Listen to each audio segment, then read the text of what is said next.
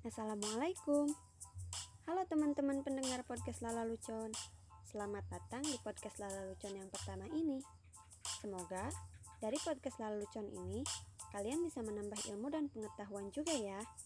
Nah, by the way Karena Lala tinggal di Tasikmalaya bagian selatan Jadi, Lala mau sedikit cerita tentang adat atau tradisi yang ada di sini Anggap aja Lala lagi ngajak kalian untuk traveling sekaligus mengenalkan salah satu tradisi yang masih bertahan sampai sekarang. Tradisi ini dinamakan sebagai hajat lembur. Kalian tahu nggak apa itu hajat lembur? Nah, kalau kalian pengen tahu apa itu hajat lembur atau seperti apa itu hajat lembur, yuk dengerin terus ya. Di daerah Kabupaten Tasikmalaya bagian selatan ini, khususnya daerah pantai, Pasti tradisi hajat lembur ini sudah gak asing lagi loh.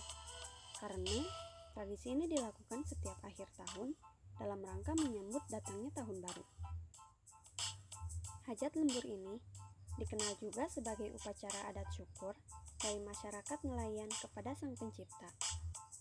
Seperti tahun lalu, hajat lembur ini digelar di objek wisata pantai laut selatan teman-teman, yaitu di Pantai Sindangkerta, Kecamatan Cipatujah, Kabupaten Tasikmalaya.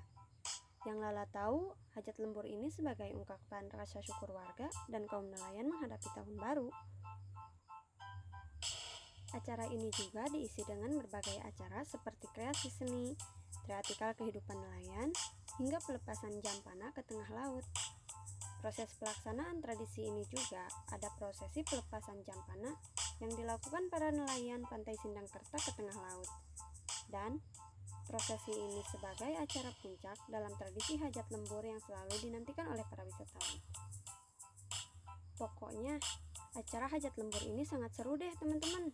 Apalagi acara ini udah jadi ikon pariwisata menarik bagi wisatawan yang berkunjung. Nah, untuk teman-teman pendengar Lucon semua, kalau kalian mau menyaksikan acara hajat lembur ini, kalian bisa datang ke Pantai Sindangkerta di Kabupaten Tasikmalaya. Lala aja nih teman-teman, merasa excited banget buat menyaksikan hajat lembur tahun ini. Di bulan Desember nanti, apalagi di pinggir pantai ditemani secangkir kopi dan si doi. Teman-teman Lala Lucon semua, mungkin itu cerita dari Lala tentang tradisi yang masih ada di sini. Selamat mendengarkan podcast Lala selanjutnya ya. Wassalamualaikum. Bye.